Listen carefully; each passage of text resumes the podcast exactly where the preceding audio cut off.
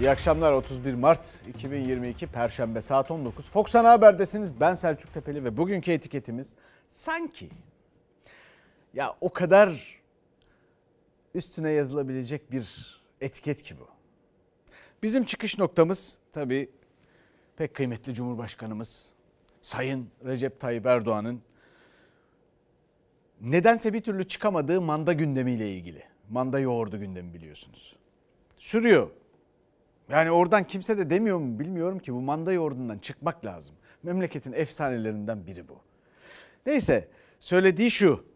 Sanki manda fakiriyiz. İşin ilginç tarafı gerçekten ülkemiz manda fakiri. Garip yani. Oraya denk gelmesi çok garip. Neyse bunun gibi pek çok şey söylenebilir. Sanki ile başlayan biz de buradan vaktimiz oldukça paylaşırız. Efendim evvela biliyorsunuz bir savaş var. Çok ilginç bir yerden, çok ilginç bir nok başka noktaya geldi bu Ukrayna ile Rusya arasındaki savaş. Rusya'nın Ukrayna'yı işgal girişimi. Şimdi Putin'in nasıl kaybetmeyi tercih edeceğini dünya bekliyor. İstanbul'da buna vesile olmak için görüşmelere sahne olmaya başlamıştı biliyorsunuz. Cumhurbaşkanı Erdoğan da ki orada güzel bir laf etmişti. Onurlu bir çıkış tavsiye etmişti Putin'e. Gerçekten son zamanlarda dünya diplomasisinde söyleyebilecek en işe yarayacak sözlerden biriydi bu. Ve şimdi de şunu söylemiş Cumhurbaşkanı Erdoğan. Hedefimiz Putin ile Zelenski'yi bir araya getirmek.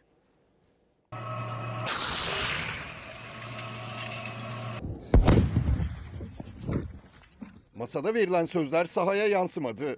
Rusya'nın operasyonu azaltacağız dediği bölgelerde bombardıman durmadı. İki ülke arasında etkin diplomasi yürüten Ankara, Putin-Zelenski zirvesi için harekete geçti. Artık hedefimiz bir an önce sizi bir araya getirmek diyeceğiz. Temenni ediyorum ki bir araya getirme noktasında kendilerinden bir tarih kaydını alırız. İşgalin 36. gününde Rus güçleri Ukrayna'nın doğusundaki kentleri hedef aldı. Askeri tesisleri ve yakıt depolarını vurdu. Kiev ve Çerniv'e düzenlenen saldırılar İstanbul müzakerelerine gölge düşürdü. Rusya'nın manevra alanını genişletmek için çekilme taktiği uyguladığı öne sürüldü. Bu sayede Ukrayna güçlerini oyaladığı ve Donbas'a asker kaydırılmasını engellediği yorumları yapıldı. Çekilmenin sürdüğü bölgelerde savaşın acımasızlığı da ortaya çıktı. Bir sürücü Ukrayna'nın Rusya'ya karşı yola döşediği mayınların arasından geçmek zorunda kaldı. Köyünde yeniden Ukrayna askerlerini gören yaşlı bir kadınsa sevinç gözyaşları döktü. Rusya 5 haftadır kuşatma altındaki Maripol'de geçici ateşkes ilan etti. Ankara, Ukrayna-Rusya hattında kalıcı barış sağlanması için çabalarını hızlandırdı. Cumhurbaşkanı Erdoğan, Türkiye'nin garantör ülke olma ihtimalini değerlendirdi. Ukrayna'nın güvenliğini teminen garantör ülkelerden biri olabiliriz. Buna ilki olarak sıcak bakıyoruz. Ancak elbette bunun detaylarının açıklığa kavuşması gerekiyor. Dışişleri Bakanı Çavuşoğlu, Türkiye'nin garantör olması durumunda Ukrayna'ya asker göndereceği yorumlarını reddetti. Yani yorumlara bakıyoruz. Türkiye'ye otomatikman güç gönderecek öyle bir şey yok. Kremlin'den Avrupa'nın uyguladığı yaptırımlara misilleme geldi. Putin, Ukrayna'yı destekleyen ülkelerin Rus gazına rubleyle ödeme yapmasını öngören kararnameyi imzaladı. Rubleyle ödeme yapılmazsa sözleşmeler askıya alınacak dedi. Evet bu gündemden iç politikaya dönelim. Biliyorsunuz bir seçim kanunu düzenlemesi teklifi var. Bu teklif Türkiye Büyük Millet Meclisi'nde görüşülüyor. Tartışmalara sahne oluyor. Muhalefet diyor ki milli idare, iradeye aykırı bu. E, iktidarda olanlar milli iradeyi unutuyor biliyorsunuz. Sanki unutuyor. E, ve dolayısıyla da e, tartışmalar da büyüyor. AK Parti ve e, Milliyetçi Hareket Partisi oylarıyla madde madde bu teklifte geçiyor. 4 yıl önce bu yasa çıktığı zaman burada destekleyenler bugün yasa ayaklarına dolaştığı için değiştirmek istiyor. Yanlış de ne dersen de bu yöntem yanlıştır doğrusunu getiriyoruz. Darbecilerin yapmadığını siz yapıyorsunuz. Seçim kanunu görüşmelerinin ikinci gününde teklifin birinci bölümünde yer alan 7 madde muhalefetin itirazları arasında kabul edildi. Hayati Yazıcı'nın yanlışı düzeltiyoruz sözlerine muhalefetin tepkisi ise devam etti. O kanun size yaradığı için o kanunu çıkarmıştınız. Ama Muhalefet bir ittifak siyasetiyle, bir seçim işbirliğiyle sizin bu oyununuzu bozdu. Şimdi bu eski kanun artık sizin işinize yaramıyor. Milletvekili dağılımında artık ittifakın toplam oyuna değil her partinin aldığı oya bakılacak. %7 barajını aşamayan parti milletvekili çıkartamayacak. İl, ilçe seçim kurulu başkanlarının da en kıdemli hakimlerden değil birinci sınıf hakimler arasından kura ile seçilecek olmasına da muhalefet tepkili. birinci sınıfa ayrılmış hakim demek, meslekte en az 10 yıl kıdem almış demek. 2010 referandumunu FETÖ'nün bekçiliğinde yaptınız. Hala o dönem atanan bazı hakimler görev yapıyor. Ayıklayamadınız. Ve birinci sınıfa ayrıldı. Şimdi sandığı nasıl teslim edeceksiniz? 2-3 bin oyla kaybettiğiniz seçimler için baskı yapacaksınız hakimlere. Eğer baskıysa, eğer gayrimeşru, gayri hukuki müdahalelerse bu ismi cismi belli olana karşı bu baskının yapılması daha fazla beklenen bir durumdur. Şu anki Cumhurbaşkanı partili Cumhurbaşkanı ve çıkacak diğer Cumhurbaşkanı adaylarıyla ben yarışacağım diyecek ve burada onun seçim yasaklarına dahil edilmesini gerek görmeyeceksiniz. Cumhurbaşkanı seçim yasaklarından muaf tutuluyor itirazları da yükseldi. Siyasi mühendislik sesi de seçim kanununun diğer maddeleri görüşülürken Cumhurbaşkanı ile Saadet Partisi arasında yaşanan gerilim siyasetin gündemine oturdu. Bugün Erbakan hayatta olsa CHP ile birlikte olur muydu? Hiç tereddüt etme. Kesinlikle olurdu. Haddine mi senin ya? Ne zamandan çıktı bu iş? Mesele Erbakan hocamı tanımaksa ben az Temel Bey kadar tanırım. Tereciye tere satmasınlar. Böyle bir saçmalık olur mu? Evet Sayın Erdoğan siz bizim gençlik kollarımızda görev yaptınız, il başkanlığımızı yaptınız, biz de belediye başkanlığı yaptınız ve MKYK'da görev aldınız doğru. Tamam bunlar iyi güzel de sonra ne yaptınız ve bugün ne yapıyorsunuz? Mesele budur işte. Cumhurbaşkanının tepkisi Karamollaoğlu'ndan gelen yanıt gerilim yüksek. Şimdi manda yoğurdu gündemine kadar yanlışsa iktidar için emin olun bu partili taraflı cumhurbaşkanının seçim yasaklarından muaf tutulması da en az o kadar yanlıştır. Ya bundan daha yanlış ne olabilir? Ya bu ne demektir? Hem partili olacaksın hem de seçim yasaklarından muaf olacaksın. Ya bunun için pek çok söz var Türkçe'de. Ben sistemin de bana kalırsa öyle bir kıvamı var. Cumhurbaşkanlığı hükümet sisteminin. Sizde yiyip içelim, bizde gülüp geçelim sistemi diyorum buna işte. Bu nasıl şey ya? Neyse devam edelim. Tabii bu bu durum, bu sistemin neticeleri sadece raflara, fiyatlara, zamlara, ekonomiye şuna buna yansımıyor. Protokolde yansıyor. Özbekistan resmi ziyareti sırasında protokolde bakalım ilk sırada kim var? Protokolde Bilal Erdoğan ilk sırada. Kim? Recep Tayyip Erdoğan'ın oğlu. Cumhurbaşkanı Erdoğan'ın Özbekistan'a gerçekleştirdiği resmi ziyarette Bilal Erdoğan'ın resmi protokolde ve ilk sırada yer almasına tepki yükseldi. Muhalefet hangi sıfatla diye sordu. Karşılama törenini Meclis Genel Kurulu'na da taşıdı. Herhangi bir resmi sıfatı bulunmamasına rağmen Bilal Erdoğan'ın protokolde en başta yer alması devlet itibarını zedelenmiştir. Türkiye Cumhuriyeti parti devleti değildir, aile şirketi hiç değildir. Cumhurbaşkanı Erdoğan geniş bir heyetle Özbekistan Cumhurbaşkanı Şevket Mirziyoyev'in daveti üzerine Özbekistan'daydı. Resmi törenle karşılandı. O ziyarette resmi heyette bakanlar, ikili anlaşmalara imza atacak bürokratlarla birlikte AK Parti sözcüsü Ömer Çelik, AK Parti Grup Başkan Vekili Mahir Ünal da vardı ve Bilal Erdoğan da. İki ülkenin marşları okundu. Yeşil halı üzerinde iki lider karşılıklı resmi heyetlerle tokalaştı. Türk resmi heyetinin ilk sırasındaysa Cumhurbaşkanı Erdoğan'ın oğlu Bilal Erdoğan vardı. Ondan sonra Adalet Bakanı, Çalışma Bakanı, Milli Savunma Bakanı, Sağlık Bakanı ve Ticaret Bakanı. Özbekistan'daki karşılamada da Cumhurbaşkanı'nın oğlunun en başta yer alması vahim protokol hatasıdır. Etnospor ve Okçuluk Federasyonu Başkanlığı sıfatlarıyla tanınan Bilal Erdoğan'ın yeri protokolün başı değildir. Cumhurbaşkanlığı hükümet sistemiyle birlikte Cumhurbaşkanlığı makamı ile AK Parti Genel Başkanlığı makamı artık iç içe geçmiştir. Bu durum köklü devlet geleneklerimize aykırı olarak parti devleti anlayışını güçlendirmiş. Muhalefet parti devleti görüntüsü diyerek ses yükseltirken AK Parti gençlik kollarının da Cumhurbaşkanı'nın uçağıyla Özbekistan'a götürüldüğünü söyledi. AKP'li gençler saraya uçağıyla Özbekistan'a götürülüyor. Parayı kim veriyor? Parayı millet veriyor. Bilal Erdoğan'ın resmi protokolde bakanların önünde ilk sırada hangi sıfatla yer aldığına ilişkin ya da eleştirilere iktidar cephesinden bir açıklama gelmedi. AK Parti gençlik kollarının Cumhurbaşkanı'nın resmi ziyaretinde Özbekistan'a götürülmesine de. Efendim şimdi öyle acayip bir durum var ki bakın buradan da ne çıkıyor? Bu bizim 2018'den beri ekonomiyi alt üst etmekle bir yandan eleştirilen bu yeni Cumhurbaşkanlığı hükümet sistemi için işte sen ben bizim olan hükümet sistemi. Öyle de bir durum var. Neyse bakın bu yeni seçim kanunu değişikliği ile ilgili teklif, görüşmeler, tartışmalar, protokolde kim en ön sırada filan bu tartışmaları bir kenara koyalım. Protokolde bu ülkede bu ülkenin milleti Türk milleti birinci sırada. Hiç tartışmasız. Bu ülkenin seçmeni birinci sırada. Öyle olması gerekir. Öyle olmasını talep etmelisiniz. Çünkü patron sizsiniz. Bütün bunların masrafı sizden çıkıyor. Efendim seçimi kim kazanmış, kim kaybetmiş? Bunlar başka konu. Memleket diye bir şey var. Hatırlıyor musunuz? Memleket diye bir şey nasıl kuruldu? 100. yılına geliyoruz Cumhuriyet'in, Türkiye Cumhuriyeti'nin nasıl kuruldu? Hatırlıyor musunuz? Yoksa unuttunuz mu? Haberden sonra bir dakikada bu hatırlamak ve unutmakla ilgili ilginç şeyler söyleyeceğim. Fakat 100. yılında memleketin tartıştığı konulara bakın. Yani 100 sene sonra yaklaşık bu ülke yine manda konusunu konuşuyor.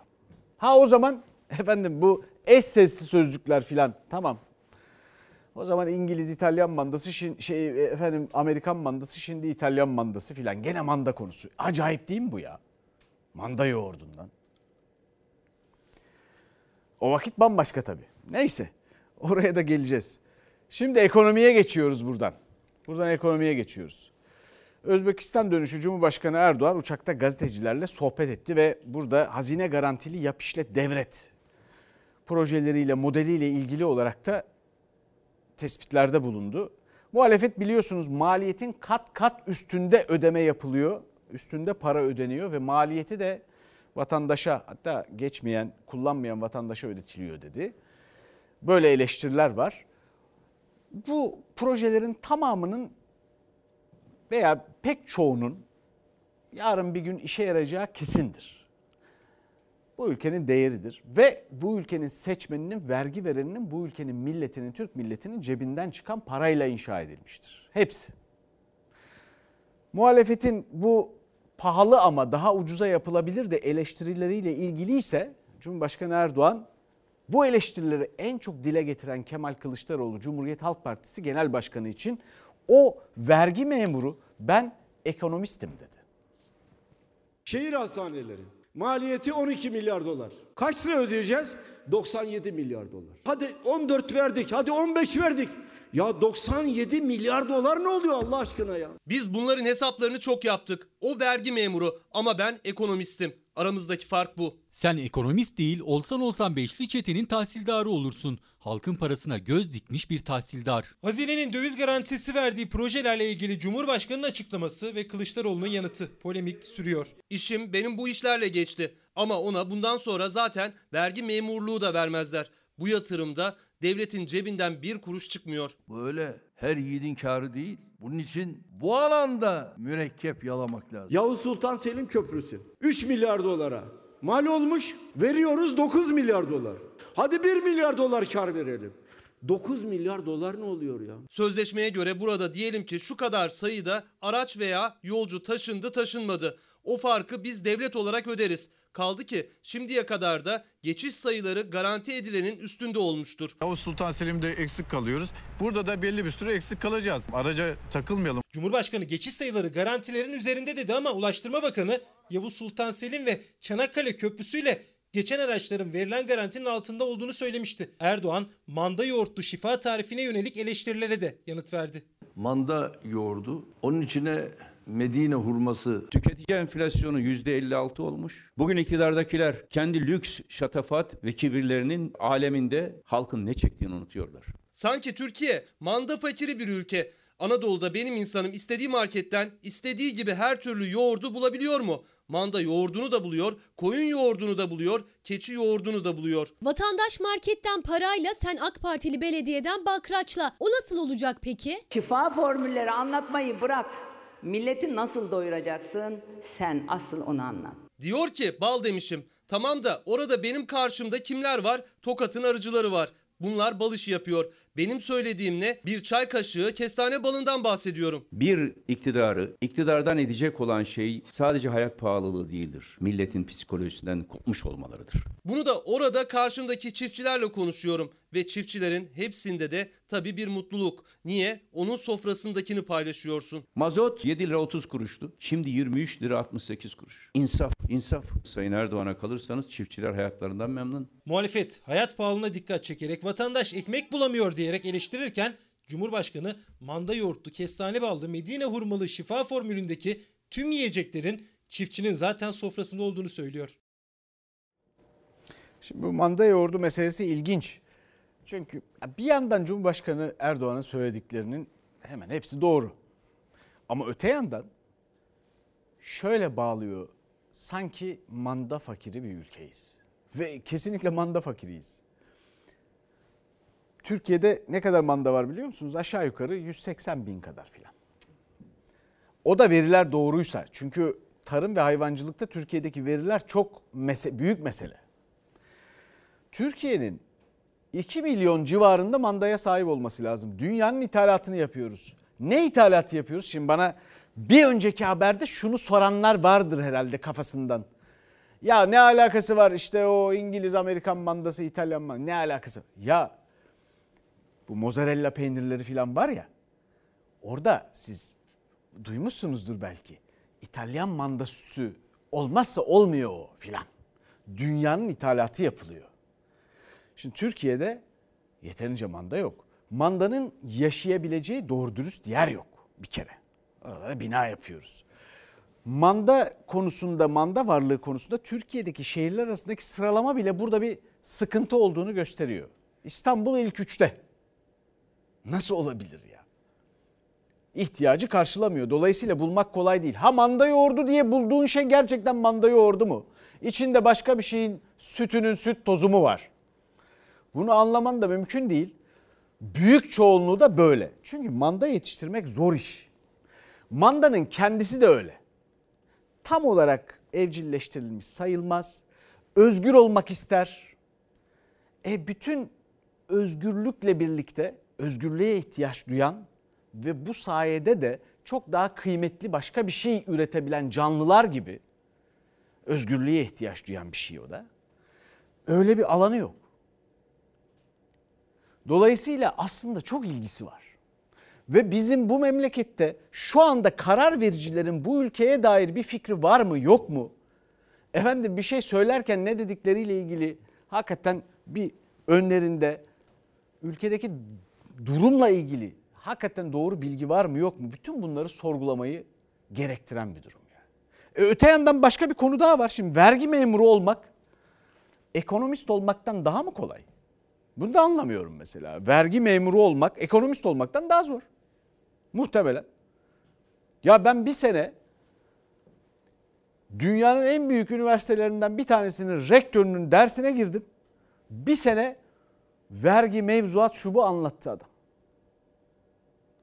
Para bir panteon. Ya bu kıyasları ben bu muhakemeyi gerçekten çözmekte zorlanıyorum ya. ya sanki ve vergi memurları ya da memurlar bu ülkede önemsizmiş gibi bu şekilde bu tür demeçlerin içinde telaffuz edilebilir mi? Devam edelim. Muhalefet tabii bu sözlere bir şeyler söylüyor. Ne kadar söylüyor? Gerçekten onlar da bu duruma vakıf mı? Ülkedeki verilerle ilgili doğru tespitler yapıp hakikaten bu ülkenin insanına hayal kurdurabiliyor mu? Bu ülkenin ne olabileceği konusunda projeleri var mı? Söyledikleriyle bir yere varabiliyorlar mı? Şimdi de ona bakalım. Sokağın gündemi manda yoğurdu. Ben askeri ücretli çalışanım. Bu askeri ücretle manda yoğurdu ve kestane balı gidecek durumda değilim. Her şey. Efendim?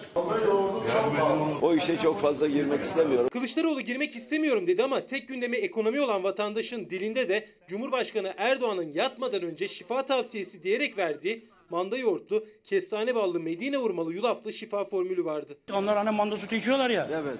Bir de ne o hurma murma. Biz simitle karnımızı doyuruyoruz. Askeri ücret benim ne kestane balı manda yoğurdu geç. Kira tutacak masrafıma bile yetmiyor. Kirada oturacak durumda bile değilim. Ben şu an depoda yatıyorum. Ben çiftçilikle uğraşıyorum. 18 dönüm yer var. 1 milyar 200 mazot parası verdim. Bu çiftçi ayakta duramaz. CHP lideri Manisa'daydı. İlçelerini gezdi. Çiftçi, esnaf, işçi, işsiz. Geçim sıkıntısını anlattı Kılıçdaroğlu'na. Türkiye'de çözülecek sorun yok dediniz. Biz sorunları çözeriz dediniz. Evet.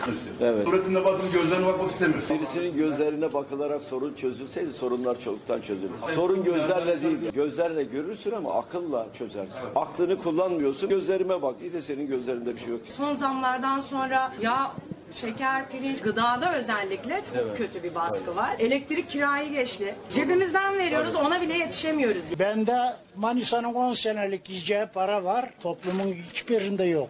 Gelir dağılımı dengeli olmadığı sürece bu denge sağlanamaz. Ben ilkokul mezunu bir adamım. Onlardan daha iyi ekonomi biliyorsun. Lastiğimiz çok pahalı, mazotumuz çok pahalı, kasko sigortalarımız çok pahalı. 5 dakikalık işi yapıyorlar, 1 milyara yakın para alıyorlar TÜRK'ten. Bu sorunları kimse kusura bakmasın ama bu iktidar çözemez. Sorununuzu çözemiyorlarsa siz iktidarı değiştireceksiniz. Servisçi esnafıyla da buluşan Kılıçdaroğlu, iktidar yaşanan ekonomik sıkıntıları çözemez diyerek bir kez daha sandığı işaret etti. Altı lider bir araya geldi. Biraz dişinizi sıkın, sandık gelecek, biz gereğini yapacağız. Şimdi konuşmalara bakın yani. Garip, acayip bir ülke burası. Ya bu ülke hayvan varlığında TÜİK verilerine bakarsanız 2020 yılında sonra azaldı o. Avrupa Birliği'nde lider. Peki herhangi bir markası var mı yaşam biçimi olarak, gıda maddesi olarak herhangi bir markası var mı? Bu ülkenin lider olması doğal. O veriler de doğru mu o da ayrı hikaye ya. Ama herhangi bir markası var mı? Fransa senden biraz fazla biraz az hayvanıyla 10 kat daha fazla para kazanıyor. Peki bu yaratıcılığa siyasette ihtiyaç yok mu? Bununla ilgili bir proje başta iktidar tabii bunun sorumlusu. 20 sene olmuş. Bir numara yok. Sanki bugünlere biz karar vericiler biziz sanki biz getirdik gibi. Şimdi bir şeyler söylüyorlar. Peki başka proje var mı? Umut verecek tencerenin dolmasının ötesinde bu ülkenin hak ettiği değeri kazanmasını sağlayacak projeler söyleyecek. Kimse var mı? Pah. Bir takım garip garip laflarla yürüyor bu iş. Bu ülkede öyle acayip bir duruma geldik ki her şeyin bir fiyatı var, hiçbir şeyin değeri yok. Bu büyük bir başarısızlıktır ya. Peki şimdi bir de insanımıza geçelim. Bakın ülke nasıl yönetiliyor. Şimdi göreceksiniz. Biliyorsunuz bir asgari ücret e, tartışması gündemi var. Bu manda yoğurdu bu gündemi bir miktar nasıl söyleyeyim? Hani üstüne yoğurt kondu bu gündemin. Asgari ücret gündemi var. İnsanlar asgari ücreti daha almadan eridiği için o yapılan zammı hissetmediği için tekrar bir zam yapılmasını istiyorlar. Ve bugünden belli bir noktaya gelmişti manda yoğurduna kadar. Bakalım o asgari ücret hikayesi ne olmuş? Asgari ücrete ara zam umudu nasıl sönmüş? Temmuz ayında memur ve emeklilerimize bir maaş düzenlemesi yapılacak. Bu bağlamda asgari ücretli kardeşlerimizin durumu da ele alınarak kamuoyuyla paylaşılacaktır. Ben vatandaşıma onu aldatacak yani yapmayacağımız veya yapamayacağımız bir şeyi söylemeyi doğru bulmam. Dolayısıyla da bunun vakti aralıktır. Bir gün arayla yapılan iki açıklama. AK Parti Grup Başkan Vekili Temmuz ayında asgari ücretliye ara zam müjdesi vermişti. Cumhurbaşkanı zam vakti aralık dedi. Neden böyle halkın duygularıyla dalga geçiyorsunuz? Bizim aramızda da tam bir uyum söz konusudur. İnsanları ümitlendiriyorsunuz. Şimdi Cumhurbaşkanı çark ediyor. Arkasından siz de çark ediyorsunuz. Hiç olmazsa sözünüzün arkasında durun. Ben istiyorum dedi ama Cumhurbaşkanı vazgeçti. Daha yılın ilk ayında yine Türkiye Cumhuriyeti tarihinde ilk kez asgari ücret açlık sınırının altına düştü. Asgari ücretliye yılın başında %50 zam yapıldı. Türk İş'in açıkladığı açlık sınırı asgari ücretin 675 lira üstüne çıktı. Milyonlarca asgari ücretli iktidardan ara zam bekliyor. MHP'li Saffet Sancaklı Cumhurbaşkanı ile görüştüğünü, Temmuz ayında asgari ücretliye de zam yapılacağını açıkladı. Sonrasında AK Parti'den de Temmuz açıklaması geldi. Asgari ücretli kardeşlerimizin durumu da ele alınarak kamuoyuyla paylaşılacaktır. Bunun vakti aralıktır. Vakti geldiğinde de asgari ücretle sorumlu olan sendikalar ve Çalışma Bakanlığım otururlar konuşurlar adımı atarız. Durum bu. Fevkalade bir durum olup olmadığı noktası orada yine tartışılır. Aranızda bir uyumsuzluk var. Siz ve Cumhurbaşkanı arasında. Bizim en ufak bir şekilde çelişkili bir açıklamamız yoktur. Şimdi Akbaşoğlu çark ediyor. Çevir kazı yanmasın Akbaşoğlu çevir kazı yanmasın. Bunun da yıl ortasında değerlendirilebileceğini Sayın Cumhurbaşkanımıza ifade etmişlerdi. Bunu aynen tekrarlıyorum. Sayın Akbaşoğlu şu konuyu netleştirmiş oldu. Diyor ki ben vazgeçmedim. Cumhurbaşkanı söylediğinden vazgeçti. Ben de onu takip ediyorum diyor. Tarihimizin en yüksek asgari ücret artışını %50 artış gerçekleştirdik. Henüz daha 3. ayındayız. Bunu bugün tartışmayı anlamsız buluyorum. Olağanüstü şartlar ortaya çıkar vesaire o, o zaman düşünülebilir ama bugün gündemimizde böyle bir şey yok. AK Partili Akbaşoğlu ben Cumhurbaşkanı'nın geçmiş sözlerini tekrar ettim dese de sözleriyle umutlanmıştı asgari ücretli. Hatta günlerdir ara zam için açıklanacak bir tarih bekliyordu. HDP 3 ayda bir asgari ücret yeniden değerlendirilsin yasa teklifini de verdi meclise. Önce Cumhurbaşkanı konuştu sonra Çalışma Bakanı Vedat Bilgin aynı tondan aynı sözlerle ara zam yok dediler. TÜİK'in bir şeyler yap arayağımız alışsın rakamlarıyla enflasyon %50 ile 60 arasında bir yerde. Şimdi yeni açıklanacak oranlarla göreceğiz. Enflasyon bu oranlardayken ve hissedilen bundan daha da fazlayken bir de üstüne insanların milli kişi başına düşen milli geliri düşerken bu ülke üretmezken bu ülke dünyada bir numara olabileceği, marka olabileceği pek çok sektörde başta tarım olmak üzere ithalata mahkum edilmişken fiyatlar ithalatla bu yeni ekonomi modeliyle Türk lirasını değersizleştirelim. Her şeyimizi böyle haraç mezat satalım modeli yani. Bununla insanların alım gücü düşerken Çalışma Bakanı diyor ki tarihin en büyük asgari ücret zammını yaptık. E yaptınız da tarihin en büyük enflasyonlarıyla karşı karşıyayız bir yandan da insanların eline geçmeden eridi. Ha o arada da bir takım demeçler tabii duyuyoruz. Saffet Sancaklı MHP Kocaeli Milletvekili diyor ki Cumhurbaşkanı ile görüştüm asgari ücrete ara zam Temmuz'da. Sonra Mehmet Emin, Muhammed Emin Akbaşoğlu AK Parti Grup Başkan Vekili. Bu grup başkan vekili seviyesindeki siyaset daima sorunlu zaten. Ara zam Temmuz'da destekliyor. Ve Cumhurbaşkanı Erdoğan Temmuz'da ara zam yok. Bugün. Sonra Çalışma Bakanı zaten yaptık. Yani aralığa atıldı. Ya sanki milletle röportaj yapıyorlar. Uzun röportaj. İnsanların hayatı hakkında, geçimi hakkında, planları hakkında karar veriyor bu isimlerin tamamı. Ve son 2-3 gün içinde yaşadığımız manda yoğurdu gündemiyle değişen konu bu. Peki bakalım röportaj devam ediyor. Milletle röportaj yapıyorlar ya. Ramazan geldi. Hayırlısıyla işte yarın akşam, yarın gece sabaha karşı ilk sahur. Çok şükür. Fakat şekere yüzde 30.8 zam. Ben 77 yaşındayım. Ben hiç böyle kuyruğa muyruğa girmedim. Şimdi Allah razı olsun şimdi ucuz şey bakıyorum işte. Şeker en son zam gelmeden aldım. 10 liraydı kilosu o zaman. Geçen hafta 10 liraydı şimdi 14 olmuş. Atıyoruz kalkıyoruz sabah başka zaman. Para da yok ne yapacağız bilmiyorum. Ramazan öncesi bir zam da şekere geldi. Zaten son iki haftadır marketlerdeki fiyatı günden güne artıyordu. Özelleştirilen şeker fabrikalarından sonra Türk Şeker'de %30,8 zamla şekerin fabrikadan çıkışını 7 lira 80 kuruşa yükseltti. Ramazan öncesinde de böyle bir söylediğiniz gibi zam gelmesi Yani isabet olmuş mu diyeyim artık ne diyeyim. Zam henüz market raflarına yansımadı. 1 kilogramlık toz şeker markette 14 lira 99 kuruşa satılıyor. Eğer %31'lik zam olduğu gibi etikete yansırsa toz şekerin fiyatı 20 liranın üzerine çıkacak. Her şeye zam geliyor sadece toz şekere değil. 9-10 lira olması lazım. TÜİK'e göre son bir yılda %46 zamlandı şeker. Şimdi tek seferde gelen zammın oranı ise %30,8. Yani marketlerde zaten yüksek olan etiketler daha da yukarı çıkacak. İnsanlar artık yemesinden içmesinden kısmaya başladı. Yani 2 kilo alacaksam 1 kilo almak zorunda kalıyorum.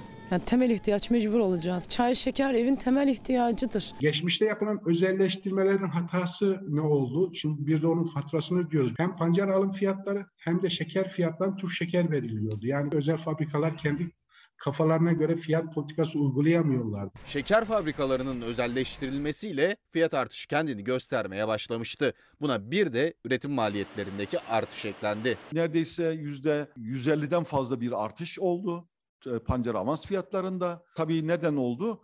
Ee, üretim girdi maliyetlerinden dolayı oldu.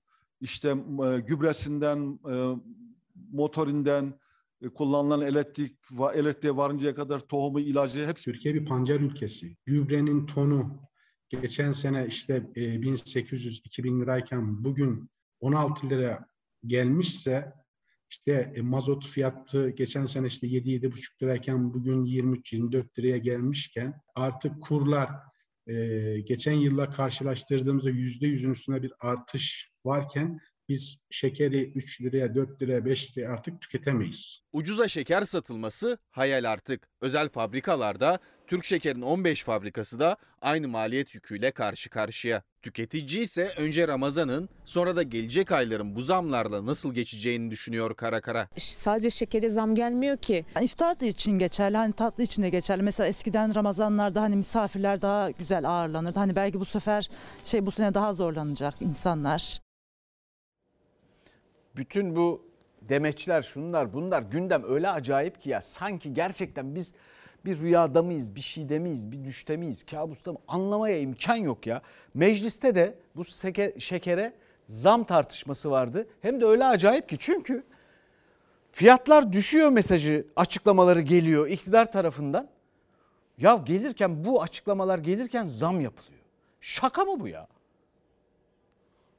Sahada şeker fiyatları düşmeye başladı. Şekerin diyor fiyatını CHP artırıyor diyecek de diyemiyor. Ya daha bugün yüzde otuz bir zam geldi ya. Şekere gelen %31 zam sonrası CHP araştırma önergesi verdi. Muhalefet şeker fabrikalarının 2018'de özelleştirilmesini hatırlatırken birkaç dakika önce fiyatlar düşüyor diyen AK Partili vekil bu kez stokçular açıklaması yaptı. Dolar kur- kurunun yükselmesi ve dünyada da girdi maliyetlerinin çok artmasıyla beraber Türkiye'deki şeker fiyatları dünya fiyatlarının altında kaldı. Tabii bu özel sektörün iştahını cezbetti.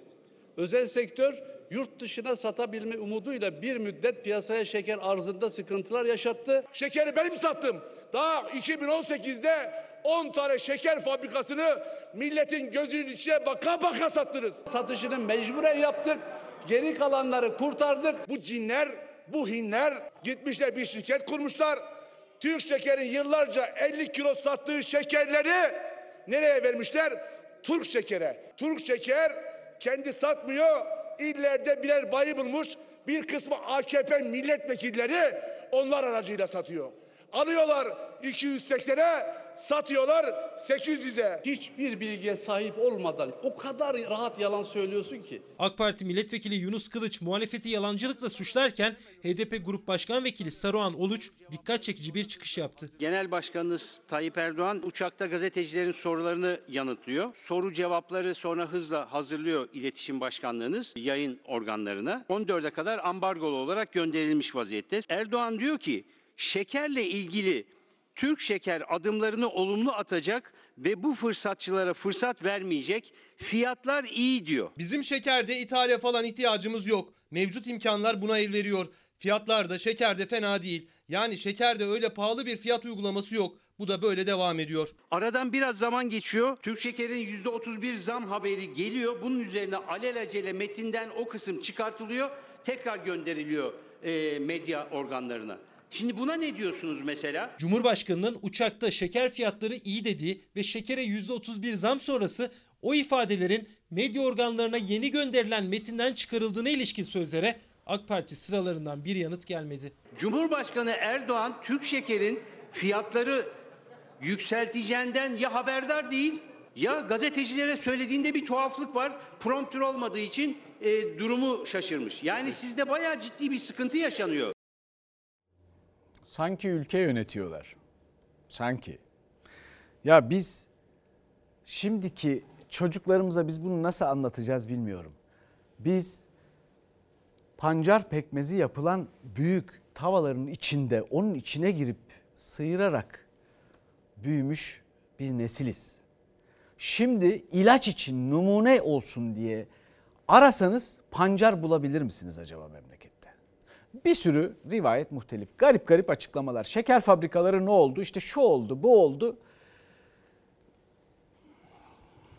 Garip, garip yani. Ya el alem buradan 10 kat fazla para kazanıyor. Çünkü kanunları var, gübre kokusunu koruyor. Fransa'da var, anlattım bunu. Açın bakın Toprak romanı Emil Zola'nın açın bakın nasıl olmuş o iş. Kolay mı oluyormuş acaba? İsraf ediyoruz. İsraf.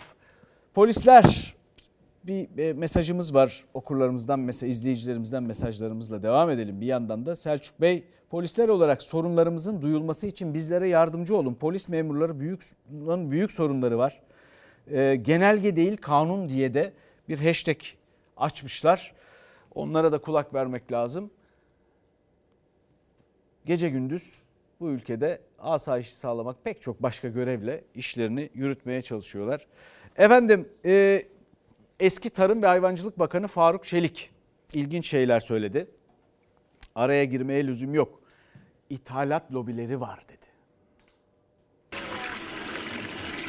Öyle bir maliyetler yükseldi ki artık insanlar bu hayvanı besleyip gebeleştirip doğum aşamasına getiremiyor. Üretim çok zor. Çünkü yem alamıyor insanlar. Bir çuval yem olmuş 300 TL. Nasıl alsın ki adam beslesin bunu? Bizim de bir dayanma gücümüz artık kalmıyor. Bu gidişat böyle olursa hayvanlarımızı ufak ufak e, ahırımızdan satacağız, kesime gidecek. Başta yem maliyet yükselince dişi hayvanlar kesime gönderiliyor. O hayvanların yeri ise ithalatla doldurulmaya çalışılıyor. Cumhurbaşkanı Erdoğan hayvan ithalatının devam edeceğinin sinyalini verdi. Eski Tarım Bakanı Faruk Çelik'tense ette ithalat lobisi var çıkışı yükseldi. Her alanda lobi var. İthalata dayalı anlayışı savunan bir yapı var. Tarım Bakanımız önce ülkemizin dört bir yanında çalışmasını yapacak, ondan sonra da ithalde de neler yapabiliriz bunun üzerinde de ayrıca çalışmasını sürdürecek. İthalat lobilerinin işi bu.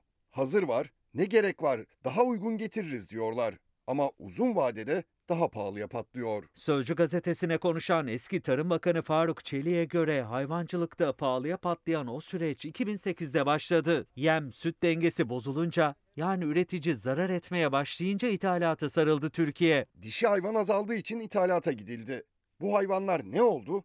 Kavurma oldu, yemek oldu, bitti gitti. Ancak ithalattan vazgeçilemedi. Üreticinin yem süt dengesi korunsun diye adım atmak yerine ithalata devam edildi. Herkes hayvanı satıyor. Çünkü niye? Et biraz pahalandı diyorlar. Bu sefer adamlar üretemiyorlar, yem üretemiyorlar, hayvanları besleyemiyorlar. Kısa yoldan satıyorlar. Üretim bitiyor yani. Kısacası bitiyor yani. Bir önlem almaları lazım buna. Üretici 1 litre sütünü sattığında en az 1 kilo 300 gram yem alabilmeli. Bugün bu denge çiğ süt fiyatının artırılmasına rağmen daha da bozulmuş durumda. Bir saman balya geçen sene 15 TL'ye satıyorken şu anda 40 TL oldu. Geçen sene 100, 120, 130 TL'ye aldığımız yem şu anda 295, 300 TL ve daha da yükseliyor. Her gün yükseliyor. Maliyetler altında ezilen süt üreticilerinden biri de Çatalcalı Orkun Ordu. En büyük maliyet kalemi ise yem. Geçen yıl yemin çuvalı 130 lirayken 1 litre sütü 3 liraya mal ediyordu. Şimdi yemin çuvalı 300 liraya çıktı ve 1 litre sütü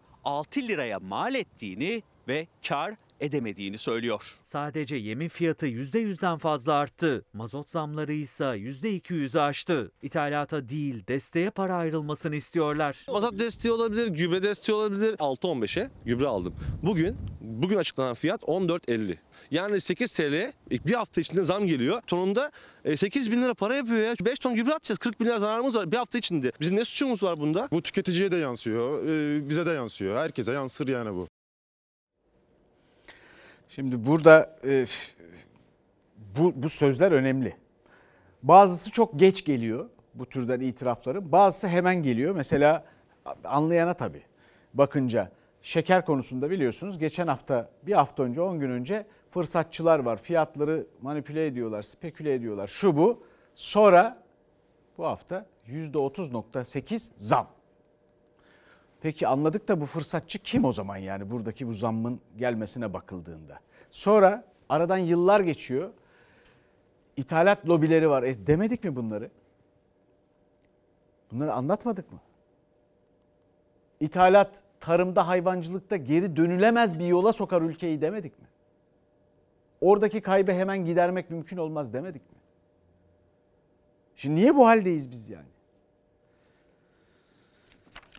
Sanki ilgileniyorlar bu konularla. İzleyicilerimizden gelen çok mesaj var tabii. Tarım Orman Bakanlığı'nda çalışan pek çok kişi çocuklarımızı göremiyoruz. Bu tayinlerle ilgili filan e, işte gereken yapılsın diyenler, efendim veteriner hekimler, pek çok izleyicimiz mesajlar gönderiyor. Tarım Bakanlığı'nda da böyle sorunlar var. Bir de esnafa bakalım şimdi. Bir takım kademeli fiyatlandırma düzenlemeleri yapıldı biliyorsunuz. Peki kademeli tarifeyi esnaf hissetti mi? Bir bakın bakalım hissetmiş mi? Ocak'ta 7500 ödedim. Şubat'ta %100 zamlı ödedim. Bu ay normalde indirim bekliyorduk. Ee, ben herhalde 15'in altına dedim ineriz. Bu ay tam tersi 16.800 geldi. Daha da fazla geldi yani. Düştü diyor ama yok düşmüyor yükseliyor. 6, 8, 12 ödemekte zorlanıyoruz. 1 Mart'tan itibaren esnafın elektrik faturası kademeli tarifeye geçirildi. Aylık 900 kilowatt saatin altındaki tüketime zamdan %25 indirim uygulanmaya başlandı. Üstüne ise elektrik yine %127 zamlı. Az da olsa faturasında düşüş bekliyordu esnaf. O da olmadı. Zaten bizim o sınırın orada kalmamız imkansız gibi bir şey olur. Bir üç tane fırın çalışıyor. Dolaplar var. Yani imkansız o bizim o kotada durmamız. Bulunduğumuz işletmeye Şubat ayında gelen elektrik faturası 15 bin liraydı. Mart ayında yani kademeli tarifeyle gelen elektrik faturası ise 16 bin 800. Yani kademeli tarifeye rağmen esnafın faturası hala çok yüksek. Vallahi şaşırdık ne yapacağımızı bilmiyoruz. Bu ayki faturaya baktığımız zaman aslında pek bir değişiklik yok. Biz klimaları çalıştırmıyoruz. Ee, Birçok elektriği tasarruf etmemize rağmen yine aynı fatura gelmiş bulunmakta. Yüze yakın lambamız vardı. Biz bunları kısıp işte 18 lambayı düşürdük. Biraz karanlık oldu ama fatura yine aynı şekilde devam ediyor. Zaten aydan aya yıldan yıla yükseliyordu elektrik faturaları. 2018'den sonra uçuşa geçen birim fiyatlarını TÜİK böyle ortaya koydu. Ortalama birim fiyatları yıllardır yatay seyrederken 2018'den itibaren katlanıyor. Sene başındaki %127'lik zamsa bu grafiğe dahil değil. Ancak esnaf 3 aydır her faturada bu fahiş zamla karşı karşıya. %100'ün üzerindeki bir artışlar olduğu zaman ister istemez esnaf olarak da zorlanıyoruz. Esnaf olarak gerçekten zor bir süreç geçiriyoruz. Ocak ayında zamla iki katına çıkan faturalar Mart'ta beklendiği gibi inmedi. En son gelen faturamız 47 bin TL. Ondan bir önceki ayda 32 bin TL gelmişti. Yine aynı zamlı şekilde gelecek yani o sadece bir rakamsal kandırmaca. Gelir düşüyor. Tarımla ilgili meseleler var. Gıda tedarikini tam olarak bu ülkede enflasyonu azaltacak şekilde sağlayamıyorsun. Vergi adaleti, pah, dolaylı vergiler almış başını yürümüş. Her şey küçük hesaplarla, siyasi hesaplarla yapılıyor. Memleketi düşünen yok. Ülke İsviçre gibi bir ülke olabilecekken bunları tartışıyoruz filan.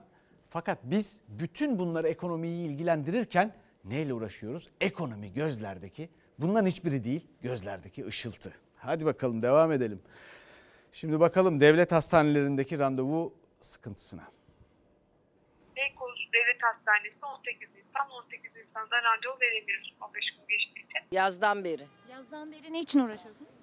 İşte randevu almak, doktora gelmek. Hastane kuyruğu şöyle olamaz zaten insan randevusunu alamıyor. Belirli sayıda insanlar düşürdüğü için o insanlar gidiyor hastane kuyruğu dolayısıyla olmuyor. Hastanelerdeki kuyruklar yerini telefon, bilgisayar başında bekleyenlerin görünmez kuyruğuna bıraktı. Çünkü hastalar günler, haftalar hatta aylar sonrasında ancak randevu bulabiliyor. O da çoğunlukla kendi ilçesinde bile değil. Kilometrelerce uzağa gitmek, ilçe ilçe dolaşmak zorunda kalıyorlar. Ne kadar sürdü randevu almanız? 15 gün sürüyor. Randevu aldıktan sonra kaç gün beklediniz?